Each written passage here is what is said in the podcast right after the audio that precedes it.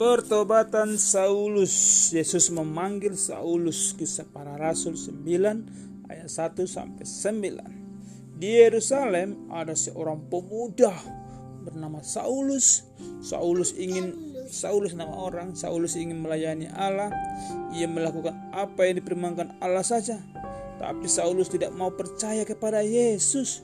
Ia tidak mau percaya bahwa Yesus anak Allah. Saulus benci kepada Yesus. Ia benci kepada orang-orang Kristen, semua murid-murid Yesus. Ia benci. Ia berusaha masukkan mereka ke dalam penjara. Suatu hari Saulus pergi kepada Imam Agung katanya, kepada Imam Agung. Imam, tolong buatkan aku surat untuk dibawa ke Damsik. Aku akan mencari orang-orang Kristen di sana.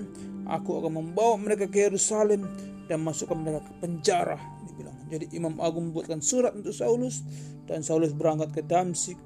Ia membawa beberapa orang untuk membantunya. Damsik itu jauh. Saulus dan orang-orang terus berkendara. Tapi satu hari ketika mereka sudah dekat di Damsik, ada matahari bersinar terang, tinggi di angkasa. Lalu tiba-tiba muncul satu cahaya lagi di angkasa, lebih terang dari matahari. Cahaya itu menyoroti Saulus dan orang-orangnya.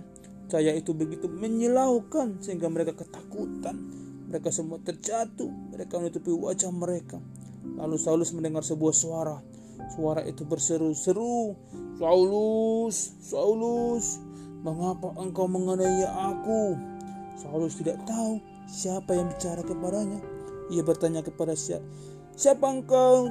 Suara itu menjawab, "Aku Yesus."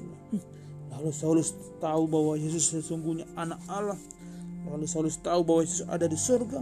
Saulus ketakutan. Ia berseru, Tuhan, apa yang harus aku lakukan? Dibilangnya. Jawab Yesus, pergilah ke Damsik.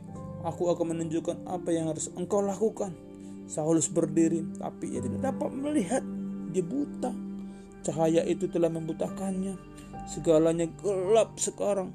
Seorang memegang tangan Saulus dan menuntunnya ke Damsik. Eh, Saulus kita ke Damsik. Di sana Saulus duduk sendirian. Segala sesuatu jadi gelap. Tapi Saulus menunggu Yesus untuk memberitahukan apa yang harus dilakukan. Dan dia pun berdoa. Amin.